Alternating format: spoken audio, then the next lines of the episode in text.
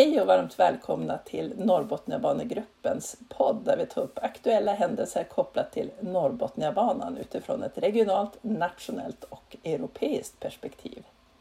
Mitt namn är Eva Lundqvist och jag jobbar som kommunikatör åt Norrbotniabanegruppen och med mig så har jag i vanlig ordning Elisabeth Sinclair, projektledare för Norrbotniabanegruppen. Mm. Och medverkar gör ju då också även vår allvetande lokförare som spelas av Olof Wreting och tekniker är Mattias Hallbacken.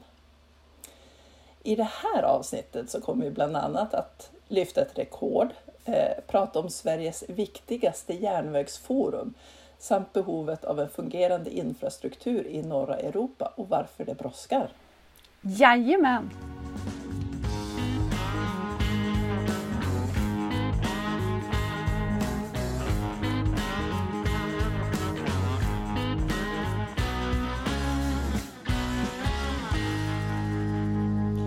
Tänker att vi börjar med den glädjande nyheten att Norrtåg slagit sitt tidigare resande rekord från eh, 2019. Ja, är det inte underbart? Alltså man var ju lite osäker på hur det skulle gå med återhämtningen efter pandemin.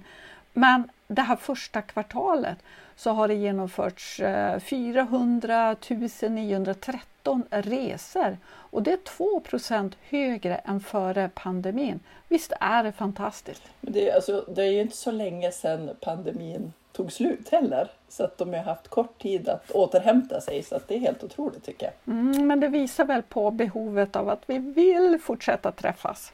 Mm. Men jag tänker att eh, Botniabanan hade ju lite knagglig start där. Det var väl 2010 den invigdes. Ja precis när man drog igång eh, bot, trafiken på Botniabanan då var ju det här nya signalsystemet IRTMS det var ju först ut i landet och en riktigt teknisk utmaning och det är ju först 2026 som vi kommer att få se det i övriga landet. Men jag tycker att det tuffar på ganska bra nu. På tal om eh, knagglig start, det har väl varit likadant för Haparanda-banan och Haparandabanan var väl som en del av Norrbotniabanan initialt också? Ja, och det var ju eh, så att eh, Haparandabanan bröt ju ut ur det som vi kallade för Norrbotniabanan tidigare. Och det hade att göra med att eh, Haparandabanan var i så dålig standard att eh, om man inte byggde nytt så skulle man vara tvungen att stänga trafiken där.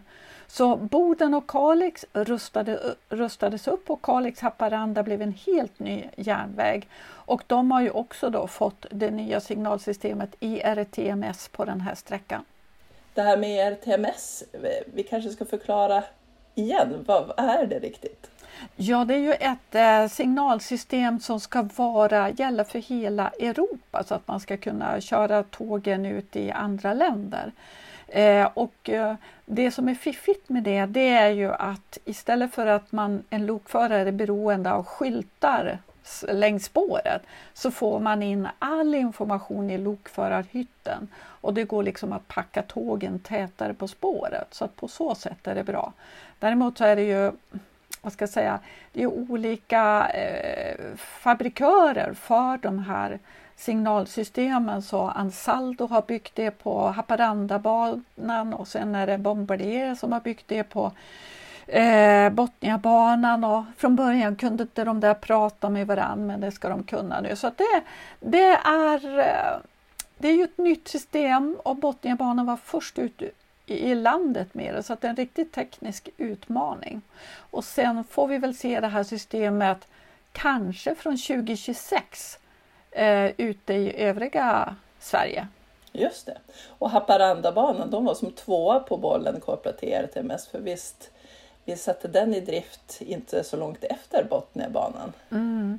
Den började byggas om då 2004 och då byggde man ju eh, nytt mellan Kalix och Haparanda och så rustade man upp sträckan Boden-Kalix. Och de var klara så det var invigning där 2012. Och då var vi ju där och infrastrukturministern satt i en, en, en snötron på stationen så alltså, det var väldigt maffigt med en invigning mitt i vintern. Mm. Men eh, jag tänker att den invigdes då Men sen så fick vi ju veta i april, tror jag var, första april i fjol att persontrafiken hade satts igång. Så att när Haparandabanan sattes igång då var det mest för godset då alltså? Ja, alltså det var ju en nödvändighet eftersom banan, annars hade man varit tvungen att riva den, den var liksom inte tillförlitlig. Men jag tror att persontrafiken öppnade redan eh, 2021 men eh, de har ju haft väldiga problem med punktligheten. Den borde ju ligga på 95 procent men nu så är den nere på 65 procent. Och eh, ja, det är ju olyckligt men det sker ju förbättringar hela tiden på den här. Ett problem om vi pratar godstrafiken det är ju att det är svårt att köra godstrafik på Haparandabanan eftersom det finns inte kapacitet söderut eh, på stambanan genom övre Norrland. Ja, ni förstår, Norrbotniabanan behövs för att klara det här. Varför är det de här dåliga siffrorna nu på Haparandabanan? Vad, vad beror det på? Mm, när eh, regional kollektivtrafikmyndigheten i Norrbotten med Mats Aspemo eh, pratade i ett eh, radioprogram på Sveriges Radio så sa han just att det är många parter som jobbar med den här trafiken. Det är Trafikverket som äger spåret, det är Norrtåg som handlar upp trafiken, det är Vy som kör eh, trafiken, ja och så är det regional kollektivtrafikmyndigheten och, som är inblandad i det här. Och eh, Mats Aspemo han menar på att eh, vi måste börja samarbeta för att få till en mycket bättre punktlighet och för att få en bra eh, trafik och inte längre jobba i stup, stuprör. Och han menar på att det kan behövas bättre snöröjning, kanske viltstängsel och så kanske det behövs lite investeringar men kanske inga stora eh, pengar. Och när det inte fungerar då får ju det här transportslaget lågt förtroende och det är ju inte bra. Utan eh, det här gäller att fortsätta att jobba med. Och man ska komma ihåg att det här är ju en väldigt viktig internationell sträcka. Det kanske man inte kan tro, men eh, som vi har pratat om i tidigare avsnitt så har vi den här eh, Europeiska stomnätskorridoren Scanmed som går genom Sverige, går till Haparanda och sen till Uleåborg och på den finska sidan kommer ju Nordsjön, Östersjön och sträcker sig från Torneå till Luleå. Så vi har faktiskt den här gränsövergången som, som är prioriterad av två av EUs nio stomnätskorridorer. Och eh, det är ju Viktigt inte minst med tanke på att vi har olika spårvidd i Sverige och Finland, någonting som man måste ta hänsyn till. Och sen eh, så håller ju Finland på att elektrifiera de sista 14 kilometerna till Haparanda som blir ett eh, väldigt viktigt eh, arbete just för att få en ännu mer effektiv persontrafik och det blir klart under nästa år. Mats Aspemo han sa det att eh, det kommer att bli bättre dag för dag men man måste kanske ha lite tålamod med det här. Också ett bättre samarbete. Mm. Och eh, jag tänkte dels har du nämnt det här med ERTMS och det här själva, själva järnvägen att den måste fungera. Men parallellt med det så, så kan jag som inte tänka mig en tydligare symbol för samhällsutveckling än just järnvägen. Det är ju mer de här mjuka delarna där man får ut av den när det fungerar såklart och när den kommer i tid. Eh, och vi, vi, brukar ju säga det att järnväg är ju så mycket mer än, än bara tåg och räls. Och eh, vi har ju precis eh, startat upp eh, Tågtalk med eh, Norrbotniabanegruppens ordförande Lorentz Burman där vi filmar korta videoklipp men eh, vad innehåller de och vad, vad, är syftet med att starta det här egentligen? Mm. Eh, det vi kan säga det är ju att det är ganska korta snuttar som, som du sa. Men eh, och det är för att visa på den samhällsutveckling, för det är lätt att tro att järnvägen, att det är bara den som skapar samhällsutveckling. Men det är ju den som är ett verktyg för kommunernas samhällsutveckling. För det handlar ju både om politik, vilja, planering och att hela tiden ligga ett steg före. Och i de här tågtåg så är liksom tanken att Lorentz Burman då, som är ordförande i Norrbotniabanegruppen intervjuar nu i första hand då kommunalråden på kommunerna och de får berätta eh, vad är det är som sker i liksom, eh, vad ska man säga, vågskvalpet efter besluten om att Norrbotniabanan eh, ska byggas. Och det är lite som som Lars Hedqvist i det första avsnittet, Lars Hedqvist på Skellefteå kommun, planeringschef, han sa det att... Vi kanske ska flika in där, för du sa kommunalråden och han är planeringschef. Eh, men det är ju för att eh, vår ordförande sitter ju på två stolar. Ja, så är det. Det är lite svårt att intervjua sig själv, fast eh, Exakt. kanske skulle vara väldigt skönt. I och med att Lorentz är tillika kommunalråd i Skellefteå. Men, ja. Mm. Ja, eh, men eh, Lars Hedqvist han sa det att nu ser vi effekten av regeringens beslut 2015 och, och, inte minst att det var en väldigt viktig signal om att regeringen tror på Skellefteå och de andra kommunerna längs eh, sträckan. Och det är en viktig signal för de ska, som ska flytta hit. Och, så det här är en riktigt spännande historia. Janet, hon eh, som är kommunalråd då i Umeå, hon sitter ju i, i det här både före och efter perspektivet i och med att Umeå var först ut med Botniabanan och vad som har hänt därefter. Eh, och nu sker det ju stora utvecklingar. Man har, eh, har ju byggt den här hamnterminalen, en eh, multimodal hamnterminal där flera olika transportslag möts och nu så siktar man ju också på vad behöver vi göra mer när Norrbotniabanan kommer. Så att det händer enormt mycket på kommunal nivå och det är någonting som vi vill spegla i Tågtalk. Mm. Och är ni nyfikna på att kika på det här nu som, som du har nämnt Elisabeth så hittar ni avsnitten dels i våra sociala medier men även på norrbotniabanan.se. Eh, ja, du säger ju att Norrbotniabanan är starkt på gång och det medför ju just att kommunerna längs sträckan måste tillgodose eh, behovet av resecentrum.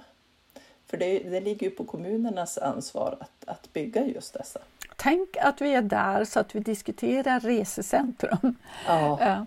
För att vi vet ju att äh, ingen kommun vill bygga ett resecentrum för tidigt utan man vill ju att det ska komma kloss i kloss med äh, järnvägens ankomst. Och nu är det alltså en funktionsstudie som är, ska göras för Bureå resecentrum, eller man ska få tycka till om den.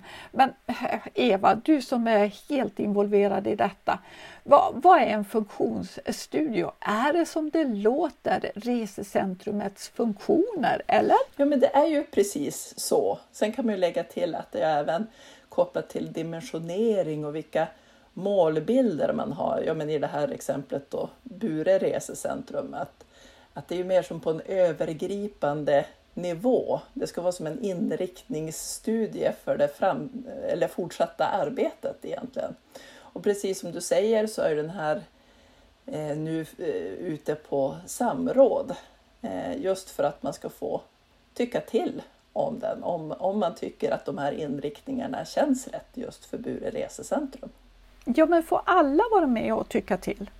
Alla får vara med och tycka till och det är precis nu eh, man ska tycka till för då, då blir det ju medskick till det fortsatta planeringsarbetet. Och eh, i det här fallet så har det jobbats utifrån fyra fokusområden.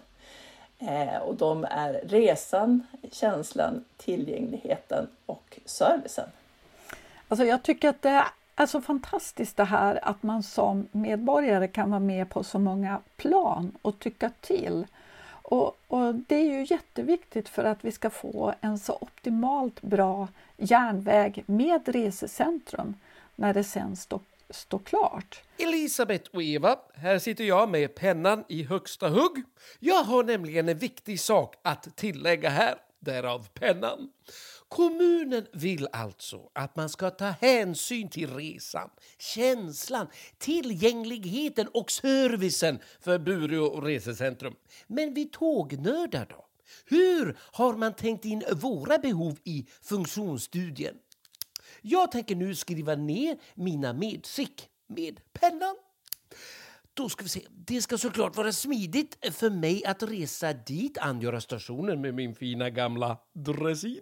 Skriver vi dressin här. Oh, denna raritet. Det är också viktigt med god service för oss som ska orka med en lång solig dag på perrongen för att följa, notera, diskutera tågen som passerar. Jag rekommenderar en kiosk en kiosk alltså, med gratis glass. Gärna hjortronsmak om möjligt, skriver jag ner här. Viktigt. När det sen gäller tillgängligheten är sköna stolar för oss som ska studera lokteknaliteter och resande ett måste. Jajamän. En och annan sovplats för de som behöver ta sig en tupplur mellan varven skulle också vara alldeles ypperligt. Ypperligt, skriver jag här. Ja, man kanske också skulle kunna haft ett flertal vagnar stående i ett av spåren. En glassvagn, en sovvagn, en barnvagn. Eh, nej, inte en sån barnvagn. En vagn med roligheter för de små. Och en restaurangvagn såklart. Bara att fylla på med vagnar efter allas behov. Genialt! och unikt. Bara att posta mina förslag till kommunen. Mm, man kanske även skulle kunna haft en postvagn på stationen. Åh, vilka idéer! Oh, underbart! Tack för det, Elisabeth och Eva, säger jag och sätter pennan bakom örat. Jag är nämligen färdig med mina tillägg. Adjö. Ja. ja, härliga synpunkter där tycker jag. Ja, why not?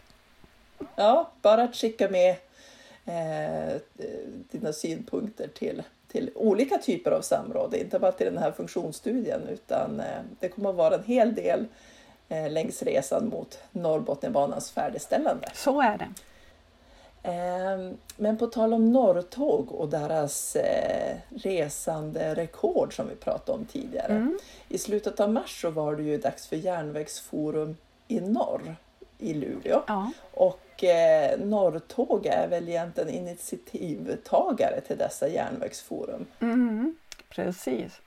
Och de har ju också koppling till Botniska korridoren. Och Norrtåg det startade ju 1999 och det var ju de fyra nordligaste länen för att man skulle se över hur tågtrafiken i övre Norrland skulle bedrivas. Och, och där kom Elvis Söderström in, Olle Tideman som teknisk chef som drog igång Bottniska korridoren och Joakim Berg som tog över det här. Vet du Eva, det finns så mycket att säga om det här. Ja, men du, det kanske vi ska ta upp i något kommande avsnitt. Djup, djupdyka ner i Norrtåg. Alltså det vore jätteroligt. För när du säger 99 också, det var ju då Norrbotniabanegruppen bildades. Mm, så där i krig. Så att vi, vi, delar födelsedag också så att det finns mycket att prata kring där. Mm. Eh, men innan det här själva forumet startade så var ju speciellt inbjudna gäster sammankallade till en, till en lunch. Eh, så var det. Va, vi, vilka var där? Och kan du ge en liten inblick i, i eh, vad det pratades om? Jag är lite nyfiken. Ja men alltså våran kompis Pat Cox, eh, koordinator för stomnätskorridoren ScanMed. Han kom ju till Luleå för andra gången i sitt liv tror jag, om man inte mm. har varit någon gång här oanmäld. Du har full koll. Ja, och då tänkte vi i Norrbotniabanegruppen att vi skulle se till att han fick möta några företrädare från industrierna. Med oss på lunchen hade vi också kommunalrådet Karina Sammeli Alltså Mayor of Luleå, är inte det ett snyggt namn? Ja. Och uh, hon fick då välkomna alla gäster till Luleå och hon gjorde det så fantastiskt bra och hon lyckades beskriva möjligheterna, utmaningarna och glädjen i det som händer nu. Uh, alltså ett fantastiskt uh, tal måste jag säga. Och vi var ju inte jättemånga så att det var verkligen eh, som att sitta på första bänken. Men en riktig tankeställare det fick vi ju när hon berättade att det som händer idag kunde ingen ha förutspått för två år sedan. Så mycket av den framtida planeringen som gjordes för två år sedan har man fått kasta i papperskorgen och börja om på nytt. Mm. Det är ju rejäla utmaningar för kommunerna bland annat men även för andra aktörer såklart. Mm, så är det. Och eh, med oss hade vi också några företagsrepresentanter som sagt och det var ju eh, Linda Bjurholt då, som är eh, chef för LKAB Malmtrafiken och Anne Graf från eh, H2GS då, eh, från Boden och Carl Wangel som numera då är på SSAB. Han har ju varit också på Luleå kommun. Men alla de här pratade om de specifika utmaningar som deras verksamheter står inför och där är ju faktiskt Malmbanan central. Inte minst mellan Boden och Luleå där det är så himla trångt nu så jag tror inte man får in en, en linjal någonstans där. Och det behövs ju dubbelspår där. Och de lyfter ju också behov av att, av att skynda på processerna. Alltså inte göra processerna sämre utan kanske öka på resurserna men också som vi pratade om tidigare att inte jobba i stuprör utan jobba tillsammans för att lösa flera frågor samtidigt. Mm. Och eh, det låter ju superintressant den där, jag förstår. Han ni äta någonting? Ja, de som inte pratade fick äta så det var ju väldigt bra. Och jag, jag kan berätta att vi hade också med oss eh, eh, överste Lars Karlsson som basar då för den norra militärregionen som består av de fyra nordligaste länen, alltså en jätteyta. Och för det är ju så här att mycket av EUs arbete det präglas ju av kriget i Ukraina. Och eh, jag tyckte att det var väldigt bra att sammanföra eh, de här, Pat Cox och Lars Karlsson, eh, för att de skulle få Lars skulle kunna få ge den här bilden av det som händer i norra Sverige och Pat Cox skulle få känna att ja, men det här är högst aktuellt och, och att vi eh, påverkas stort av det som händer i eh, Ukraina. Och Per Cox citerade faktiskt Lars Karlsson senare under dagen och i sitt eget föredrag på Järnvägsforum. Ehm, ska jag berätta mer om några till som deltog på lunchen? Ja men kör på! Ja det var ju Erik, Erik från eh, Pistolkors då som sedan september i 2022 är biträdande chef för Europeiska kommissionens representation i Sverige. Och han deltog ju också på vårt seminarium i Stockholm tidigare år och pratade om EUs år för kompetensförsörjningen. Och det är ju något som är högst aktuellt i vår eh, region. Sen, sen, ska jag också säga att eh, eh, både Pat Cox och Katrin Trautmans rådgivare Martin Seitler och eh, John Steinkohl medverkade. Tyvärr kunde inte Katrin Treutman komma för hon hade råkat ut för en olycka strax innan. Men vi får väl välkomna henne vid ett senare tillfälle. Och sen hade vi bjudit in vår kollega Ingela Bendroth som är VD på Nya Ostkustbanans projekt, alltså dubbelspår mellan Härnösand och Gävle. Jag skulle säga att jo, men, Nya Ostkustbanan är som ett systerprojekt till Norrbotniabanan.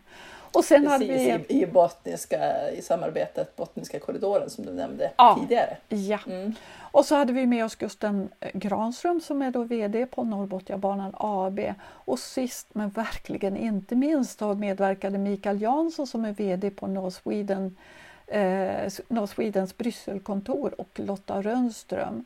Och eh, vi får väl säga att Lotta är vår superstjärna som hjälper till med alla EU-besök och roddar i så mycket bra som görs just nu. Så en eloge till North Sweden och eh, annars vet jag inte riktigt hur vi skulle kunna hålla den här kontakten på det här väldigt eh, bra sättet med EU. Precis, och det var ju många med på den där lunchen. Eh, men det var ju ännu fler på själva forumet. Över 200 personer deltog på, på årets järnvägsforum norr och det tror jag också är rekord. Det är som ett rekordavsnitt det här. Precis. Och eh, ja, men vilka var där då förutom eh, de du har nämnt, några av dem du har nämnt som var på lunchen? Så sammantaget kan man säga att de var de tyngsta makthavarna i Sverige och EU inom just infrastrukturpolitiken. Och detta då tillsammans med olika näringslivsaktörer, tågoperatörer och andra nyckelaktörer. Alla, alla var där. Ja precis, man får väl säga som ett regionalt event med nationell och europeisk klang. Och äh, Eller så kan man ju säga att det var liksom en intern firmafest med middag på isen. Och, ja, det också. Ja, ja. ja, men det var alltså alla var där, infrastrukturministern, generaldirektören för Trafikverket och så vidare. Så det var eh, samtal hela tiden. Mm. Och eh, på plats fanns eh, bland annat Linda Håkansdotter som eh, är Global Head of Sustainability and Corporate Affairs på H2 Green Steel. Eh, och eh, hon höll sin presentation faktiskt just innan infrastrukturminister Andreas Karlsson skulle upp på scen och eh, hon hade tre medskick till regeringen. De tre sakerna som jag ser som allra viktigast, det är elförsörjning, infrastruktur och hastighet. Elförsörjning, vi har jättemycket el här. Det är en av orsakerna till att vi etablerar oss här uppe i norr. Men vi kommer behöva oändligt mycket mer el i hela Sverige för att klara av klimatomställning och samhällsutveckling. Så att fortsätta bygga ut elproduktion i hela landet, det är avgörande för att vi ska klara det här tillsammans. Och för att vi ska kunna göra det i den hastighet som krävs, då måste vi snabba upp processer. Vi måste också jobba med acceptansfrågan. Regeringen måste våga gå in, eller politiken, och döma av olika samhällsmål. Och vi måste se till att vi har kompetensen på plats som kan göra det här. Så det är det som krävs för elförsörjningen. När det gäller infrastrukturen, ja men vi är ju beroende av väl fungerande infrastruktur. Vi är beroende av en malmbana som kan bidra till att ta malmen till oss och våra produkter ifrån oss. Eh, och här finns det ju saker att göra. Eh, jag vet att ni pratade om det igår. Det är eftersatt underhåll. Det krävs eh, kapacitetsökningar. Vi ser ju också ett behov av dubbelspår på sträckan Luleå-Boden. Eh, saker som inte finns i plan, saker som inte är finansierat. Jag ska inte säga att det är pengarna som är problemet, utan det är att vi måste få det här på rull nu. Vi måste få igång det. Och helt ärligt, när vi pratar då om den sista punkten, kommer in på den, tiden, så funkar det ju inte med tolvåriga planprocesser när man står mitt uppe i det som vi håller på att göra nu. Vi måste jobba smartare. Ja, jag tänker det här sistnämnda, hastighet, som Lina pratade om. Eh, det mest återkommande under forumet var just eh, sense of urgency. Det här och nu förändringarna behövs ur både ett klimatperspektiv men även som du nämnde tidigare ur ett militärstrategiskt perspektiv. Mm. Eh, och det kräver ju att, att alla vågar tänka nytt och agera snabbt. Ja, och vi har väl inte alltid varit så jättesnabba när det gäller så infrastruktur och bygga färdigt och bygga ut och sådär. Och vi vet att vårt eh, järnvägssystem eh, har liksom, det, vi ligger efter i utvecklingen av det här. Vi hade ju många år eh, eh i och med att lastbilstrafiken kom så starkt på 50-talet så började vi lägga ner och dra ner på järnvägstrafiken medan man i andra länder satsade på järnvägen. Och nu, det är klart att det känns av, det är något som vi lider av nu. Och, eh, men nu är det, det finns eh, liksom inget annat än att öka takten. Mm. Och lite som vi varit inne på tidigare, det här med, med samarbeten och hitta synergier Ja, eh. och det var ju någonting som eh, kom fram i den här debatten där samtliga partier stod på scenen och eh, där man pratade om det här, de investeringsbehov som behövs och måste göras nu. Så att det finns ju väldigt stor förståelse för att den gröna omställning som sker i norr nu, den får inte bromsas. Mm. Nej, exakt. Och eh, Lina, eh, Linda hade ju precis eh, tre, tre medskick till regeringen. Och eh, under pågående järnvägsforum så släppte ju Dagens Industri nyheten att regeringen fattat beslut om att påskynda viktiga investeringar i norr. Eh, rubriken var Regeringen vill se snabbspår för viktiga tågsatsningar i norr. Mm. Eh, och högst upp på dagordningen står upprustning av Malmbanan och en snabbare utbyggnad av Norrbotniabanan. Vi tänkte att det var ju lägligt precis när infrastrukturministern besökte de nordligaste delarna att det här kom. Men de hävdade ju att det inte hade någon koppling. ja, fast det, det var ju som en märklig känsla alla var där, ministrar, EU med Pat Cox var där och eh, sen Dagens Industri, första sidan med den här nyheten. Alltså det var ju liksom, eh, vi var ju i stormens mitt får man ju nästan säga, där liksom allt hände runt omkring oss. Det var en häftig känsla. Och det känns ju jätte, jättebra att regeringen eh, tar det här initiativet nu. Eh, därför att eh, jag tror att det finns eh, massor med trådar att plocka upp från den nuvarande nationella infrastrukturplanen. Mycket är gjort i den, men kan man fortsätta att utveckla den här så är ju det bra. Och sen också givetvis en ny regering behöver ju få äga det här projektet. Så en, en sån här djupdykning eh, för bara gott med sig. Mm. Och eh, regeringen gav då Trafikverket i uppdrag att analysera åtgärder i norra Sveriges transportinfrastruktur. Och vi pratade ju med Trafikverkets GD Roberto Majorana i våran monter kopplat till just detta. Men eh, kan du sammanfatta, vad tyckte han om att få det här uppdraget i knät? Ja, han tyckte ju att det här var bra med tydligt besked från regeringen att man vill satsa på norra Sverige och att eh, Trafikverket kommer att göra ett omfattande arbete på ganska kort tid och återkoppla till regeringen senast den 15 eh, september. Mm. Eh, och du passar ju även på att fråga honom om eh, det medskick som Pat Cox hade under hans presentation där han tryckte på att man borde undersöka alternativa sätt att jobba på efter mottot whatever it takes och hellre ställa frågan eh, why not än, än att man ska fråga why.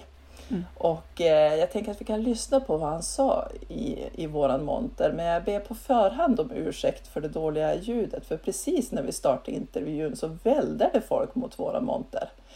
Eh, ett positivt problem eh, att det hängde mycket folk där. Men tyvärr för det dåliga ljudet. Men jag tror ni hör ändå vad han säger. Jag gillar idén att eh, egentligen ställa sig den frågan att why not? Och whatever it takes. Naturligtvis så behöver man sen göra lite funderingar över det men det är en bra ingång och jag tycker framförallt att vi ska eh, ta inspiration av det när vi nu står inför de här spännande utmaningarna.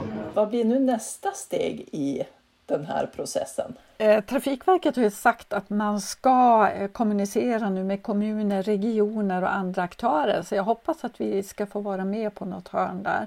Jag, jag tycker det blir ett jätte, jättespännande jobb. Mm. Och eh, precis som vi har sagt inledningsvis i den här podden så ska vi ta Norrbotniabanan ur regionalt, nationellt och europeiskt perspektiv. Och eh, nu tänkte jag att avslutningsvis att vi ska ta den europeiska blicken och eh, koppla tillbaka det du nämnde, det, det Pat Cox sa. Eh, why not och eh, whatever it takes. Det var väl två olika citat som han refererade till. Ja, men det är riktigt. Alltså Pat Cox är en sån fantastisk person att lyssna på. Han är väldigt karismatisk och man fängslas verkligen av det han säger. Alltså jag fick så mycket tankar i huvudet. Och den här gången så citerade han den, alltså Pat Cox är ju irländare, och den här gången så citerade han den irländska dramatikern George Bernard Shaw. Eh, vet du vem han är? Ingen aning. Oh. ja, men han, han var en irländsk dramatiker, kritiker och polemiker och politisk aktivist. Och det var han som skrev pjäsen som heter Pygmalion som handlar om hur professor Henry Higgins ska lära underklassflickan Eliza Doolittle att tala och bete sig som en societetsdam på en eh, kort tid. Han, jag tror han slog vad med någon. Och den här pjäsen den gjordes senare om till My Fair Lady. Det lät men, mer men bekant, till, tyckte jag. Ja.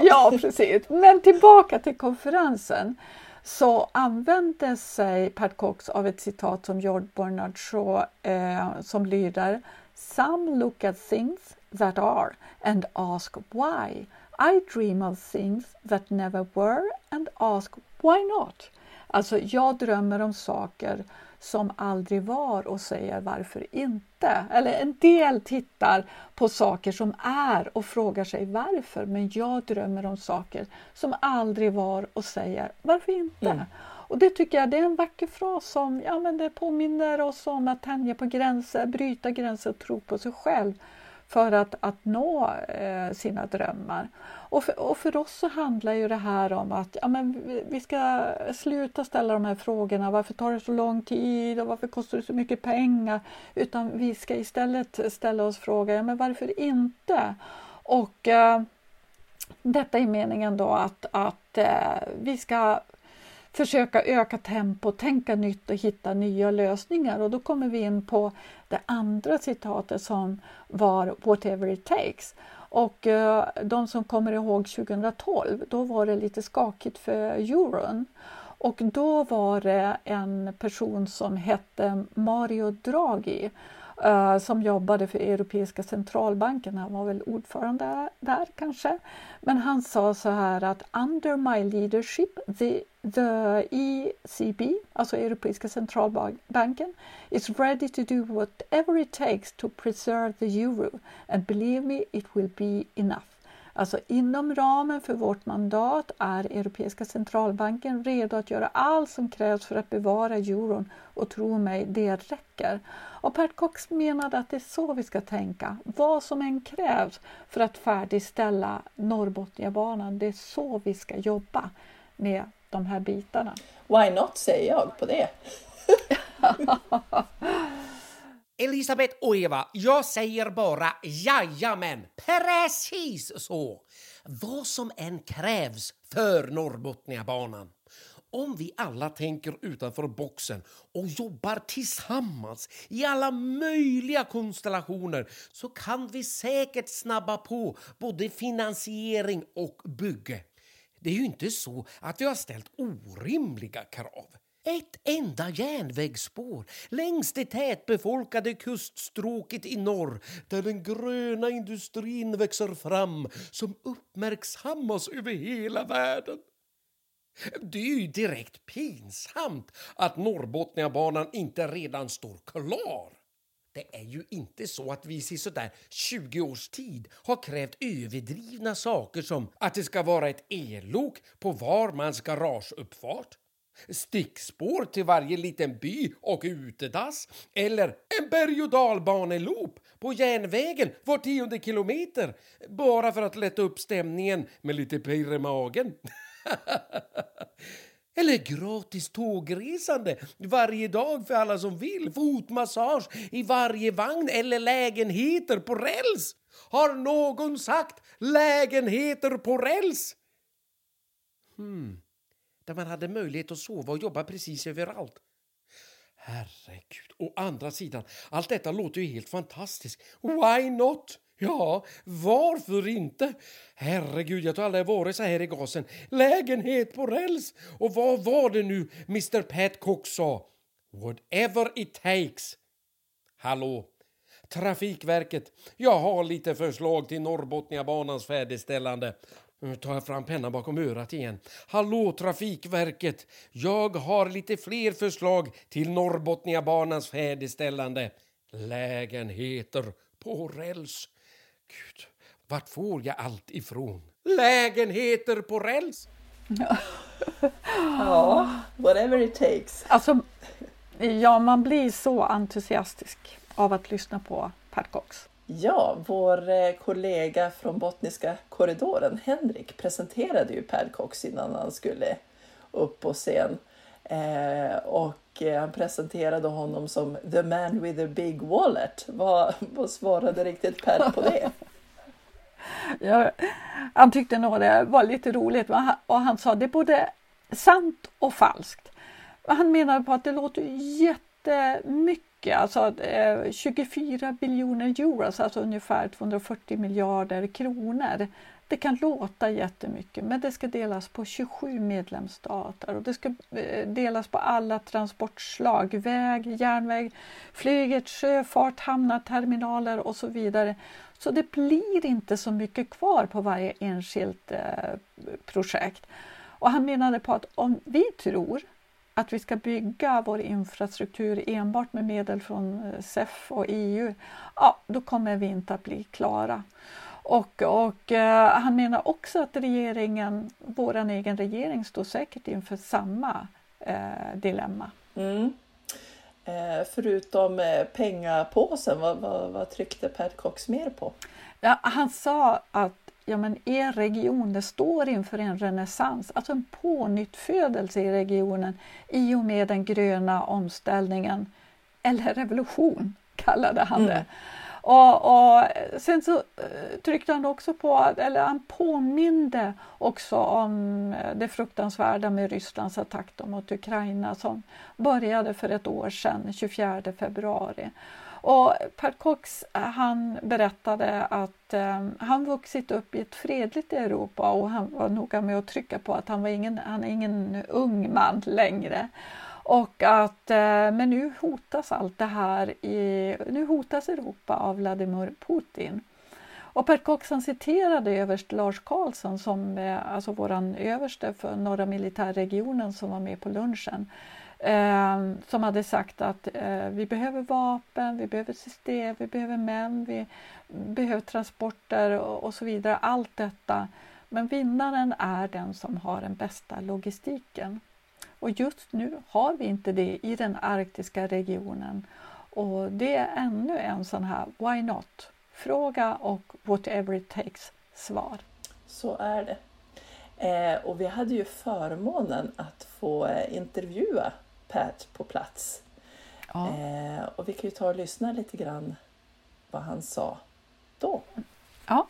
People here are leading a green revolution for Sweden, for EU, even globally to do, for example, with the steel sector, which is a, a first in global terms.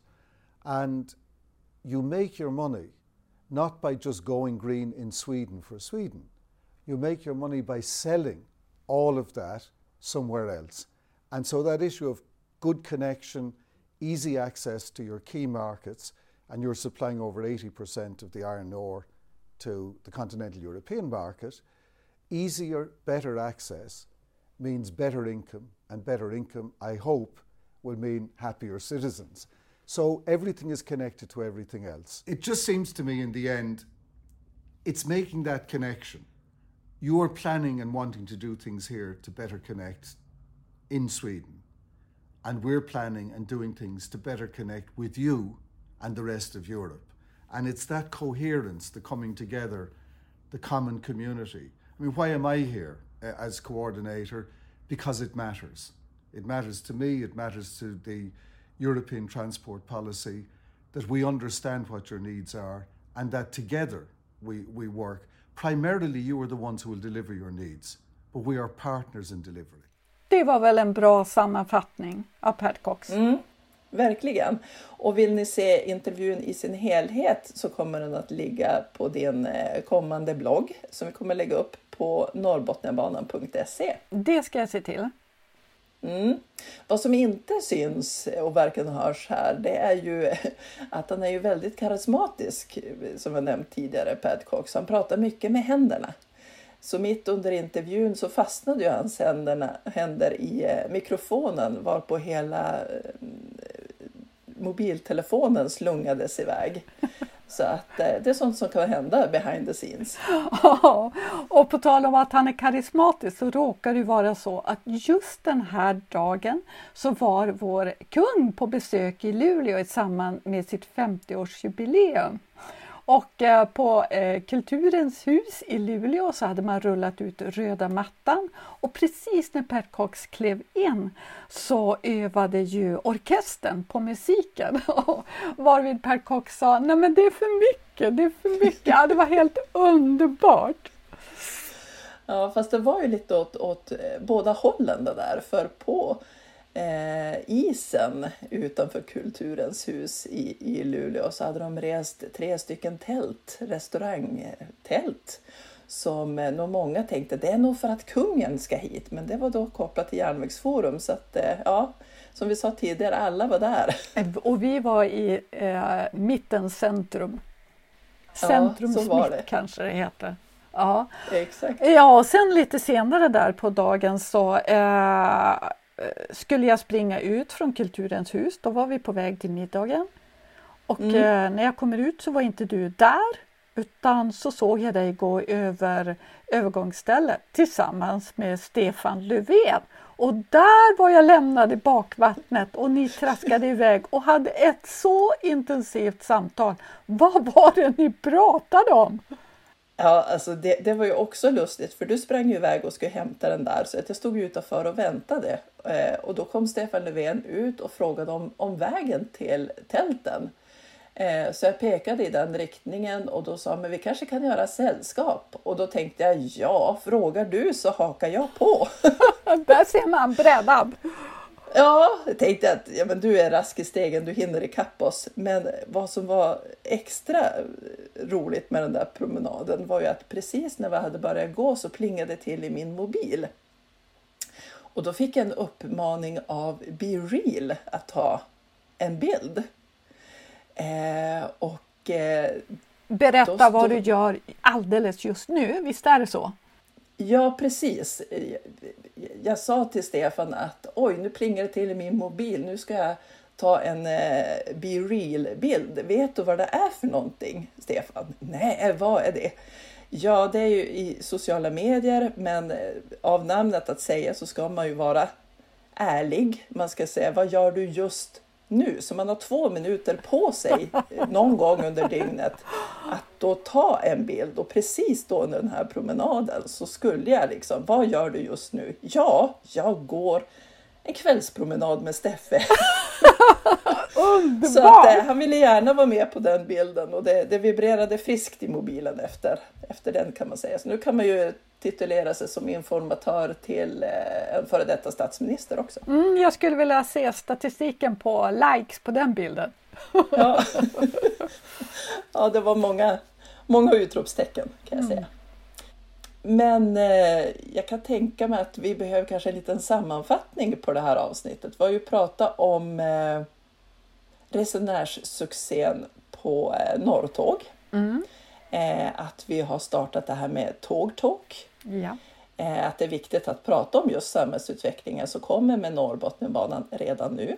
Mm. Eh, vi har nämnt händelserika järnvägsforum i norr och de tre engelska uttrycken Sense of urgency, Why not och eh, Whatever it takes. Så är det. Och eh, som jag nämnt tidigare så kommer du i vanlig ordning att skriva en eh, blogg om det här avsnittet där vi kommer samla både filmer och, och länkar. Eh, så besök gärna den om ni vill veta mer. Men eh, tills nästa gång önskar jag er en eh, härlig vår. Mm, det gör jag också. Ha det gott! Hej då! Ha det gott alla! Hej hej!